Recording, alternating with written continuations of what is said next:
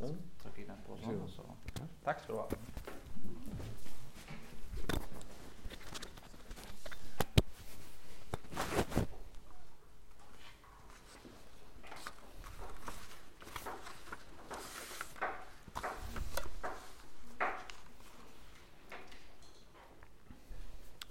Titus 1, kapittel 1, vers 1-4. Det er sikkert et brev dere mange kjenner til. Og Jeg har selv lest det mange ganger og var overraska hvor, mye nytt som kom fram etter å ha studert dette brevet. Og eh, Tittelen for i dag blir 'Hvordan får vi en gudfryktig og hellig kirke'? Hvordan produserer du ei kirke som følger Gud, som er gudfryktige, som er hellige? Og hva er grunnlaget for alle disse tingene? Og dette er en veldig sentrale ting som, som, denne teksten tar opp. Og som jeg allerede har nevnt, så har jeg fått, blitt oppringt og, og, snakket med mange ulike folk i Norge som forteller meg at det er enorme mangel på kirker som, som da forkynner det Bibelen sier, som forkynner evangeliet i Bibelen eh, rundt omkring. Og det er faktisk til og med også tilfellet på, på Karmøyene, der det er svært få kirker som driver en, en, tekstutleggende forkynnelse. Og igjen, Karmøy er jo kjent for å være bedehusland. der det er mest bedehus per, per område vel, i, i, i, Norge. Så hvis det er et problem der jeg kommer fra, så, så antar jeg at det er et problem mange andre plasser òg. Vi ser i Den norske kirka at den seksuelle revolusjonen har inntatt kirka. Vi ser nyreligiøsitet som har blitt utbredt i kirka. Og spørsmålet er bør vi være sjokkert over disse tingene. Og hvorfor er ting blitt sånn? Og Det er alltid et spørsmål hva som har skjedd egentlig med kirka. Og Da kommer spørsmålet tilbake. Hva kan en gjøre for å reversere disse tingene? For å få en gudfryktige og hellige kirke? Og Det er nettopp det Paulus prøver å informere Titus om når han skriver dette brevet. Paulus gir Titus instruksjoner hvordan han skal organisere denne kirka. Hva han skal gjøre for å få denne type kirke. Hvordan får du en hellig kirke? En kirke som frykter Gud. Vel, Det er flere svar på dette spørsmålet en finner i Titus. Vi ser at uh, vi kan utnevne eldste. Vi ser at en kan angripe falske lærere og undervise den, den sunne lærer. Vi ser at uh, en kan uh, angripe falske lærere som er underviser ting som er feil. Og en kan opprettholde gode gjerninger. Alt dette er svar i Titusbrevet og ting som vi kommer til å gå inn på i de neste månedene. Eh, men det er et svar som er enda mer sentralt enn det. Men for å forstå det så må vi forstå situasjonen som Titus var i. Titus var på Kreta og hadde fått i oppgave av Paulus å plante og etablere kirker og innsette eldster i disse kirkene. Titus ble utfordra av det loviske omskjærelsespartiet, som ville blande loviskhet og lovgjerninger og omskjærelse inn med nåden av Kristus. Grekerne hadde et rykte som står i Titus, på å være late og være fråtsere. Og Paulus da skriver til Titus og gir en råd hvordan skal han møte alle disse utfordringene i kirka. Vi tenker ofte sånn at uh, Før så var alt så mye bedre. Jeg skulle ønske at jeg kunne være en disippel av Paulus. Men sannheten er at det var temmelig alvorlige utfordringer i denne kirka. I Korinterbrevet det høres ut som en mye verre kirke enn de fleste kirker i dag. Så jeg er ikke overbevist om at det var tilfellet i det hele tatt. De utfordringene som de hadde i Romerriket, var noen ganger faktisk mye verre enn det vi ser i dag. Og Da kommer spørsmålet hva er det mest grunnleggende før vi da setter inn eldste og alle disse tingene. Hva er standarden, hva er fundamentet for alt dette her? Og Det er da forkynnelsen av Guds ord. Det ser vi i Titus eh, vers 3, kapittel 1, vers 3. Det ser vi at Forkynnelsen av ordet er det som er grunnleggende og sentralt for å da få ei gudfryktig kirke. Og Det er hovedideen, eh, det poenget, som, som vi må huske på i dag. Forkynnelse av Guds ord er grunnleggende for ei hellige og ei gudfryktig kirke. Og det er òg grunnleggende for at alle disse andre tingene skal bli rett og bli rett strukturert. Og Med det i minne så la oss hoppe inn i alle disse versene her for å se hva er det Paulus prøver å si til Titus, som vi kan lære av i dag og anvende inn, inn i vårt liv og inn i vårt kirkesamfunn. I vers 1 så ser vi at eh, Paulus vektlegger tro og sannhet, som da skaper Guds fryktighet. Vi ser at Paulus faktisk begynner med å kalle seg selv en tjener, eller en slave da, av Gud. Mange tenker kanskje på dette i en, en veldig undertrykkende ord, og det kan det jo for så vidt være med tanke på hvordan ting var i Romerriket. Men i denne forstand så, så en, en, slave og en tjener i, i, på gresk kan òg bety en person som, eh, som eh, altså var da en, en, en, tjener, ikke nødvendigvis en som ble undertrykt i et slaveri. Paulus valgte å følge Kristus frivillig. Han ble ikke tvungen til å følge Jesus i, i den forstand. Dermed da, var han en tjener av Kristus fordi han da hadde valgt å, å følge Kristus. Og Det er åpenbart Kristus som re, re, regenererte og, og, forandra hjertet hans i forkant. Og Det betyr jo ikke at en, en, den frie viljen og, og, den type ting da, spiller inn på en, på en ubibelsk måte. der. Men, men det, det, går i samsvar med hverandre. Han valgte fritt, samtidig som Gud hadde gjort et verk i hjertet hans, som alt da fungerte fra evighet av. Men Paulus regner seg selv at han tilhører Kristus. Alt han gjør, tilhører Kristus. Og det Ordet for slave ble faktisk brukt på hebraisk i, i Edens hage med Adam, at han jobba i hagen. Altså det, faktisk, det, å jobbe i hagen i Edens hage før synden er faktisk det samme ordet da, som ble brukt som er assosiert med å være slave. Og Det betyr i praksis at en selv ikke tilhører seg selv lenger, men en tilhører Kristus. Det er Jesus som er herre over livene våre. Det er han som bestemmer over oss. Det er han som bestemmer alt vi gjør. Og Videre så ser vi at Paulus kaller seg selv en Guds apostel. Paulus var en apostel. Han ble altså utsendt av Gud. Eh, dagens eh, sammenligning kan kanskje bli en, en kirkeplanter, en misjonær. Noen som ble blitt utsendt av et uh, misjonsforbund til, til, å gjøre ting da, i, i misjonssammenheng. Vi vet også at Paulus var et øyenvitne til den oppstandende Kristus. Og Bibelen skiller faktisk mellom de tolv opprinnelige apostlene og apostler i dag. I dag så blir det ordet apostel ofte beklageligvis brukt på en veldig unaturlig måte. Men vi ser i åpenbaringen 21.14 at uh, vi ser tolv apostler som da har en spesiell rolle som er ulikt apostler da i dag.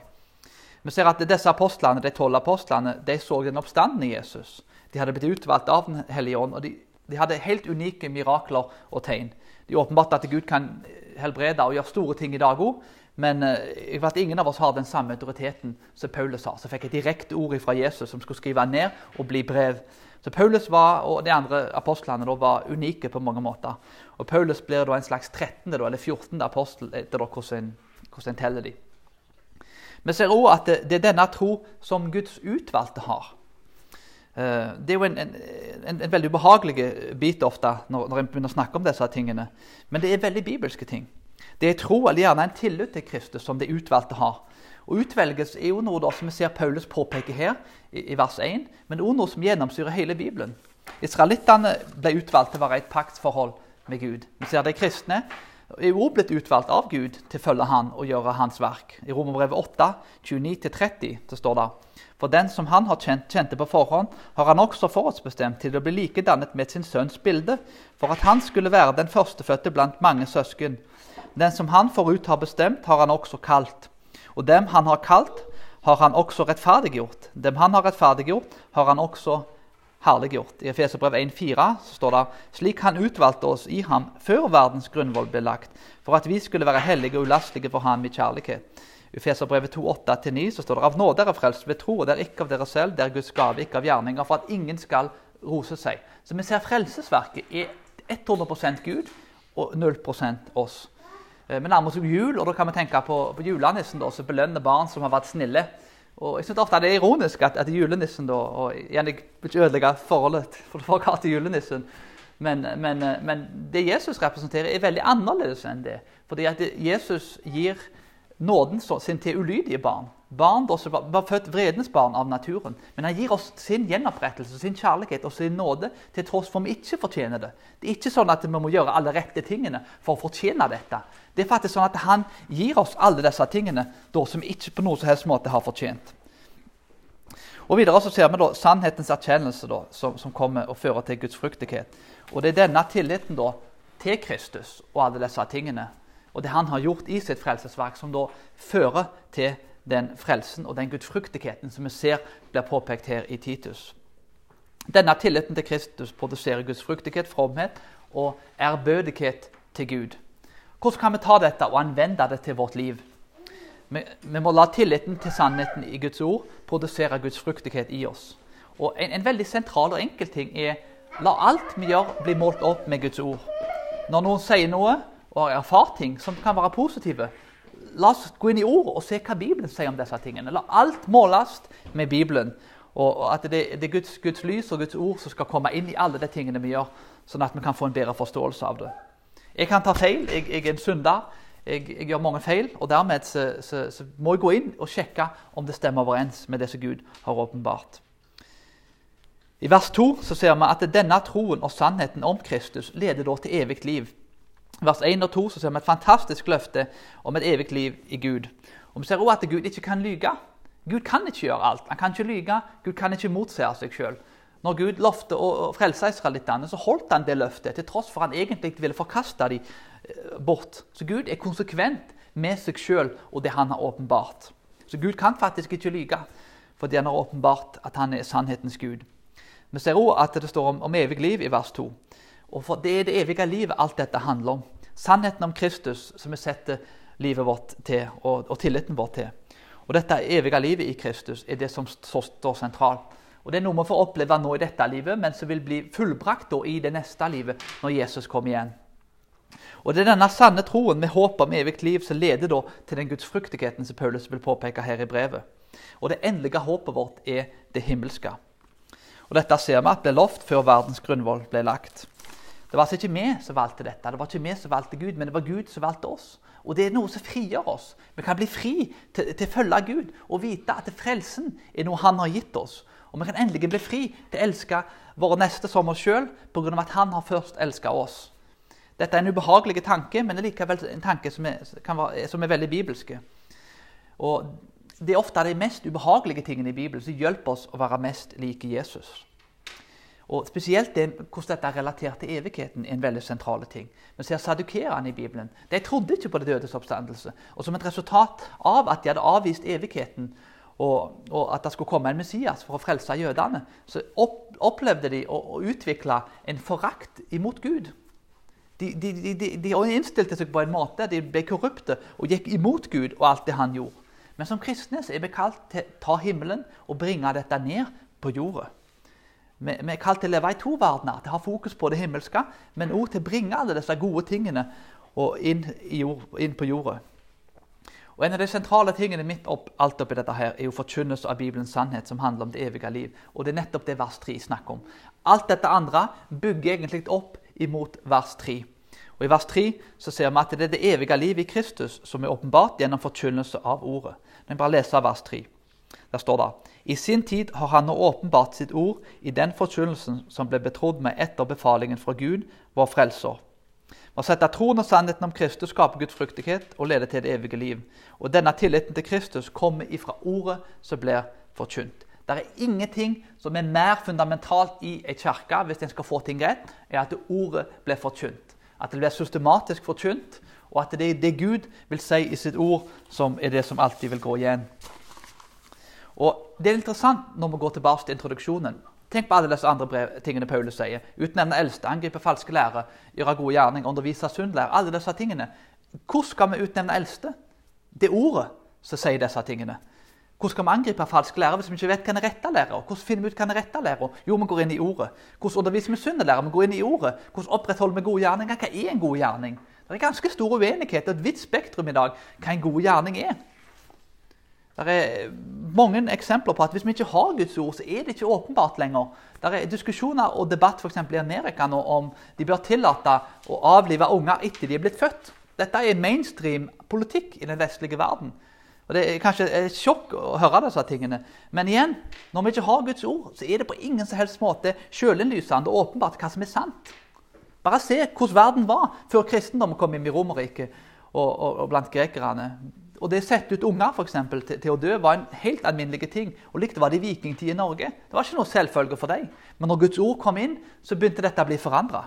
Hvis ikke vi har Guds ord og forkynner Guds ord og har det som fundament, så, så, begynner vi å misforstå mye annet. Og det er mange ting som vi tar for å være sjølinnlysende, på som ingen som helst måte er det hvis vi ikke begynner med ordet. Alle disse tingene her som vi ser i resten av Titus er umulig å få rett hvis vi ikke underviser om det som står i ordet. Forkynnelse av ord er viktig av flere ulike grunner. Det første jeg vil at dere skal bli omforma, og meg sjøl òg, i Guds bilde og ikke i predikantens bilde. Og Når en da forkynner tekstutleggende, så, så, kan den ikke bli omforma etter predikantens bilde. For det er Guds ord som har åpenbart disse tingene. Vi ser de gamle testamentlige profetene og apostlene som fikk et direkte budskap. Ikke så slik sier Jeremia, slik sier Jesaja, slik sier Paulus. Paulus gjør det faktisk tydelig når han har noe privat som han vil si. Men han får et budskap som skal bli skrevet ned og som blir gitt for å bli overlevert. Budskapet har vi i Bibelen. Det er altså ikke våre ord, men det er Guds ord som skal bli forkynt. Så Når en forkynner da forkynner Bibelens tekst, så er det vår oppgave å uh, gjøre altså Når Bibelens forfattere forkynner Bibelens tekst, så er det vår oppgave å gjøre det samme og si dette til forsamlingen. For Det handler ikke om min autoritet, og at dere skal bli like meg eller andre som forkynner. Men det handler om at Guds ord at du skal bli mer like Jesus. Og Jo mer en fortynner Bibelen, og jo mindre av det jeg har å si, jo mer vil det skje. Det andre poenget er at den beste bolverket for liberal teologi og den utviklingen vi ser i Norges landskap i dag, er nettopp det at en underviser tekstutleggende. Tekstutleggende forkynnelse vokste faktisk fram som en motstand mot liberalteologien. I dag er det, mange som, går inn i prestetjenesten eh, jeg snakker med flere, som ikke er troende. De er ateister. Bokstavelig talt, da, ikke i billig forstand. Eh, det er jo helt utrolig at, at, det er mulig å bli en prest når du ikke tror på Gud. Men, men, men sånn er det faktisk blitt i, i, de aller verste tilfellene. Til tross for at ikke alle er sånn. I motsetning til en evnebasert forkynnelse så vil en tekstutleggende forkynnelse la Bibelens struktur være det som blir forkynt, og ikke det en sjøl vil si. Jeg er absolutt en, en tilhenger av evnebasert forkynnelse. Det er åpenbart at det er rom for å gjøre det òg. Men, men, gudstjenesten bør hovedsakelig være fokusert på en tekstutleggende forkynnelse, der en da formidler det som står i teksten. Når jeg kom og skulle forberede denne talen, her, så, så visste jeg ikke hva jeg skulle si. Jeg hadde ikke planlagt dette jeg ønsker å si til dere. Jeg jeg ba og ville at det var Guds ord som skulle komme fram, og ikke de tingene som jeg har lyst til å si. Det ble jo alltid litt av det jeg ønsker å si, jo, for vi er mennesker. Vi er ikke, vi er ikke Jesus som kan formidle alt rett i alle sammenhenger. Så det vil jo alltid være litt mennesker som kommer ut i det vi gjør. Men vi vil iallfall at teksten skal være med og drive fram de viktigste tingene. Eh, så, så godt så menneskelig mulig. Det tredje poenget er det at det var ordet som skapte kirka, og det var ikke kirka som Eh, som skapte Bibelen, eller Ordet. Og Det er jo en motsetning ofte mellom katolikk og protestanter. Katolikker sier det var kirka som produserte Bibelen. Vi sier nei, det var Bibelen som produserte kirka. For i første Mosebok 1.1 så var det Guds ord som alt ble skapt med i begynnelsen. Adam ble skapt av Guds pust. Vi ser at det er Guds ord som er med å skape kirka, et, et hellig troende samfunn og alle andre ting. Det fjerde poenget er at, og egentlig kanskje det aller viktigste, det er at eh, Forkynnelse av ordet er det som produserer tro. Romerbrevet 10,17 så står det så kommer da troen av det en hører, og det en hører, kommer ved Guds ord. Så det er ordet som er med å skape tro i oss. Eh, jeg studerte veldig mye filosofi og, og, og, den type ting, og lest veldig mye av de tingene. Men igjen, du kan sitere Platon, Aristoteles og alle disse filosofene. Interessante ting. Du kan lære ting av dem. Men de skaper ikke tro i hjertet ditt. Det er ikke Platon som kommer inn og bor i hjertet ditt og skaper tro. Det er Guds ord som skaper tro i hjertet ditt. Igjen, Når vi driver trosforsvar, og den type ting, så er det faktisk ordet som er virksomt i folk. Og mye i dag, måten det blir praktisert på, er faktisk ofte imot eh, måten Gud vil vi skal drive trosforsvar på. Og Vi ser i, i faktisk hele 3008 ganger i Bibelen der Herrens ord kom. Herrens ord kom, står der. I Esekiel 37 så ser vi at eh, disse tørre beinene får, får, liv gjennom at Guds ord blir prekt, eller, eller formidla. Markus 7 så er det ordene til Jesus som helbreder. Og i Apostelens gjerne kapittel 2 så sier Peter og venn dere'.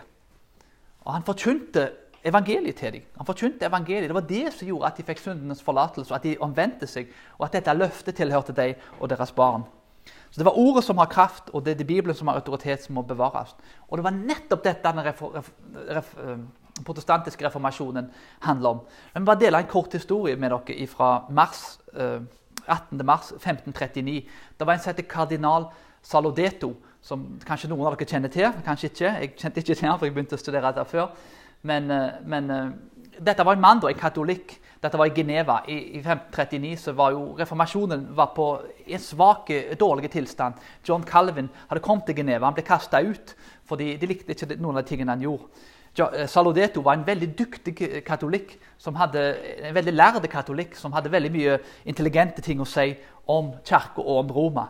Og Dette var et nøkkeløyeblikk for han. Nå, han, nå var ikke den store teologen Calvin der lenger. Nå kan han si 'kom tilbake til Roma'. Kom tilbake. Dere trenger ikke lenger være protestanter. Dere kan gå tilbake til Roma.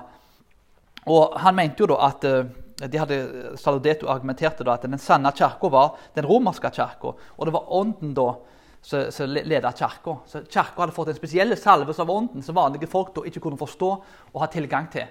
Og midt oppi alt dette her så var folk forvirra og frustrerte når de fikk dette brevet. Hvordan skulle de respondere på dette? her? Skulle de gå tilbake til Roma? Skulle de være protestanter? Hva skulle de gjøre? Dette var et nøkkeløyeblikk i den protestantiske reformasjonen. Og det som skjedde da var at, ironisk nok, at Calvin ble kontakta. Han var en av de mest lærde teologene. Det var kun han som kunne gi et ordentlig svar da, til denne Salodeto denne kardinalen da, som var så dyktig på alle vis. Og det Calvin sa da, at det var Ånden som går foran ordet for å opplyse og forstå ordet, men at det ordet alt skal testes ved. Og det var kirka. Det var ikke kirka som skapte ordet, men ordet som skapte kirka. Og at det er Skriften som er den endelige autoriteten. Svaret til Calvin var med faktisk å forandre Geneva og var med satt de på rett kurs igjen. Geneva ble et, en veldig viktig plass i Sveits. De skapte akademier og, og, ulike institusjoner som var med utdanna teologer som ble sendt til Skottland, England og andre plasser i verden. Det var et nøkkeløyeblikk i reformasjonen, og pga. dette brevet så ble ting reversert. Hadde ikke dette brevet blitt skrevet, hadde ikke denne kardinalen fått et ordentlig svar, et bibelsk svar på disse tingene, så kunne verdenshistorien bare sett ganske annerledes ut. Så I denne forstand så, så, var dette et, et, historisk øyeblikk som var med og satt Kirka tilbake til Bibelens autoritet. Og Siden den gang så har det hatt en enorm påvirkning på resten av verden. Denne teologien har påvirket Amerika. Amerika sendte misjonærer til Asia, mange andre plasser i verden. Og, og Sør-Korea og andre land. Og, og, dermed så spredde det seg overalt. Så Det er utrolig å se hvordan Gud da, i visse historiske øyeblikk reiser opp folk og reiser opp kirker til å være med og gi svar på de utfordringene som kommer. På mange måter så lever vi på en like tid i vår tid. Vi har en ny bokpresse som heter Internett. Vi har en ny teknologi som, som er ti ganger kjappere enn bokpressen Gutenberg som de hadde for 500 år siden. Ting skjer ti ganger kjappere i dag. Og Hvis du sammenligner den tiden vi lever i, så er det ikke likt som det var før nazismen. som mange sammenligner det med. Men vi har en tid som er veldig like reformasjonstida. Der du har muligheten til å spre informasjon kjappere enn noen gang gjennom verdenshistorien. Det, det, er en revolusjon det vi ser nå i denne verden i forhold til teknologi og utvikling. Og Midt oppi alt dette her så ser vi da Den norske kirka som har omfavna den seksuelle revolusjonen. Der disse tingene som Gud da bruker sterke ord på å beskrive som syndig, er ting som blir velsigna og omfavna fullt ut i kirka. Vi ser også en veldig innovativ kirke i dag som tar inn masse nye ting og ubibelske ting som du ikke finner i Bibelen. Dette sitatet fra William Botha som jeg har nevnt så mange ganger før, jeg synes det er ekstremt treffende.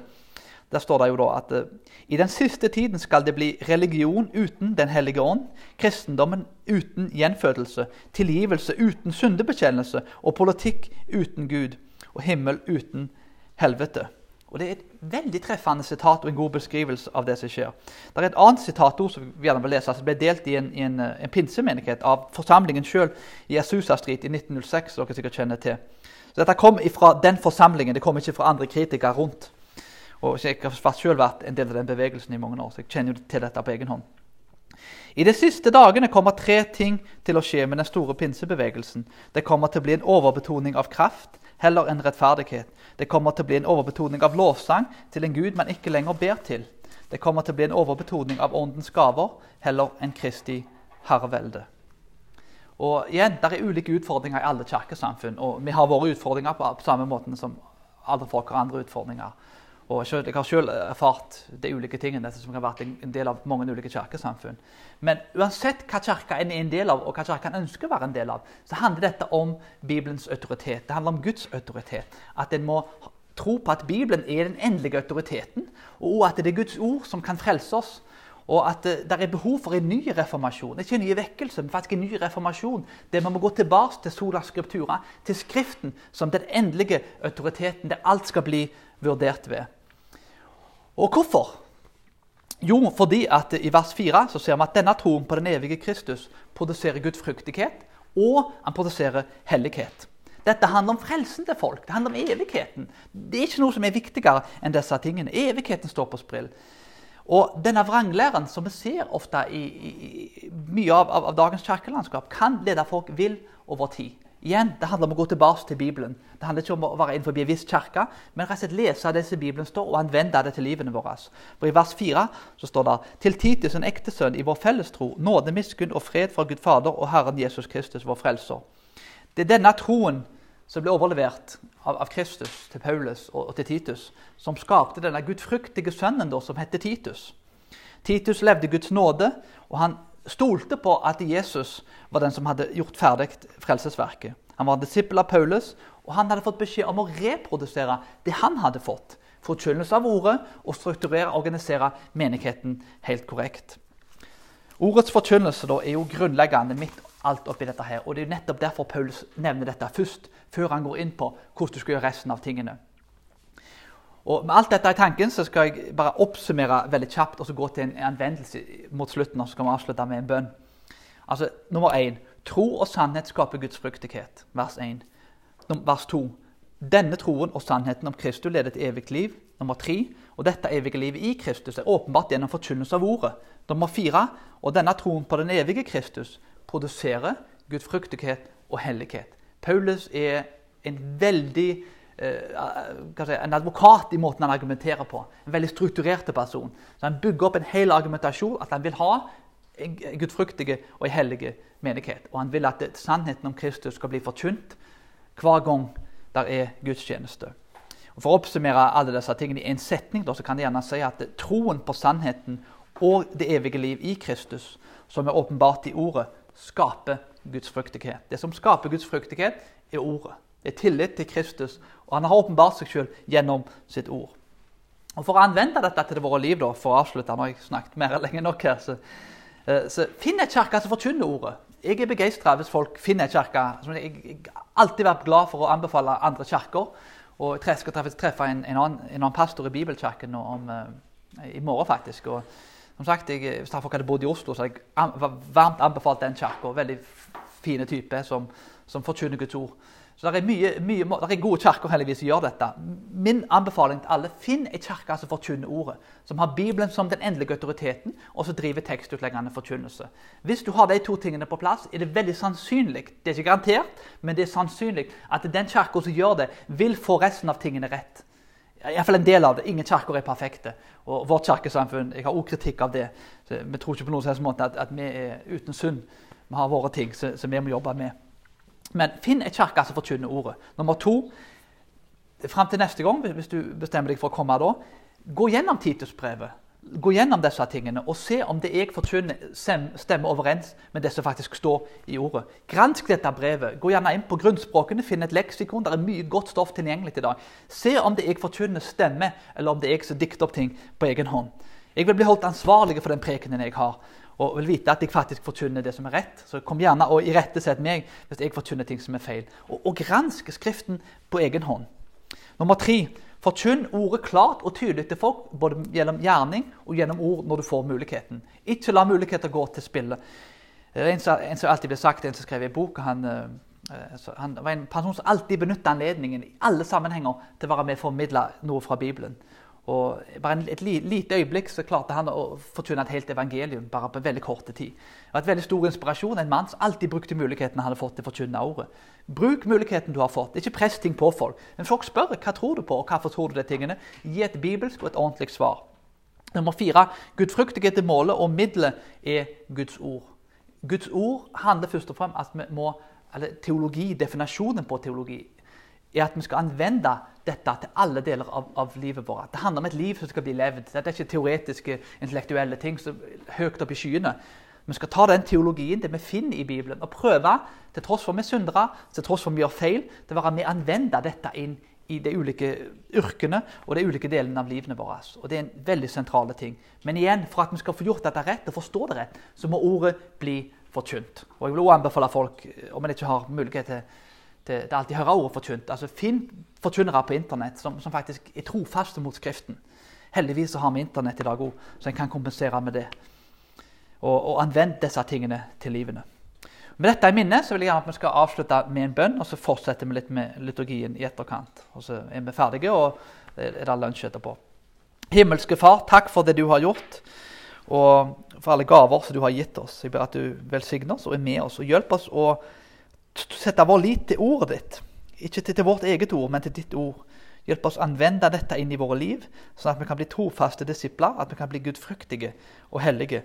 Og at vi også kan produsere en kirke som, som, eh, har ditt ord som fundament, og en kirke som, som strukturerer og organiserer alt rundt ditt ord. I Jesu navn. Amen.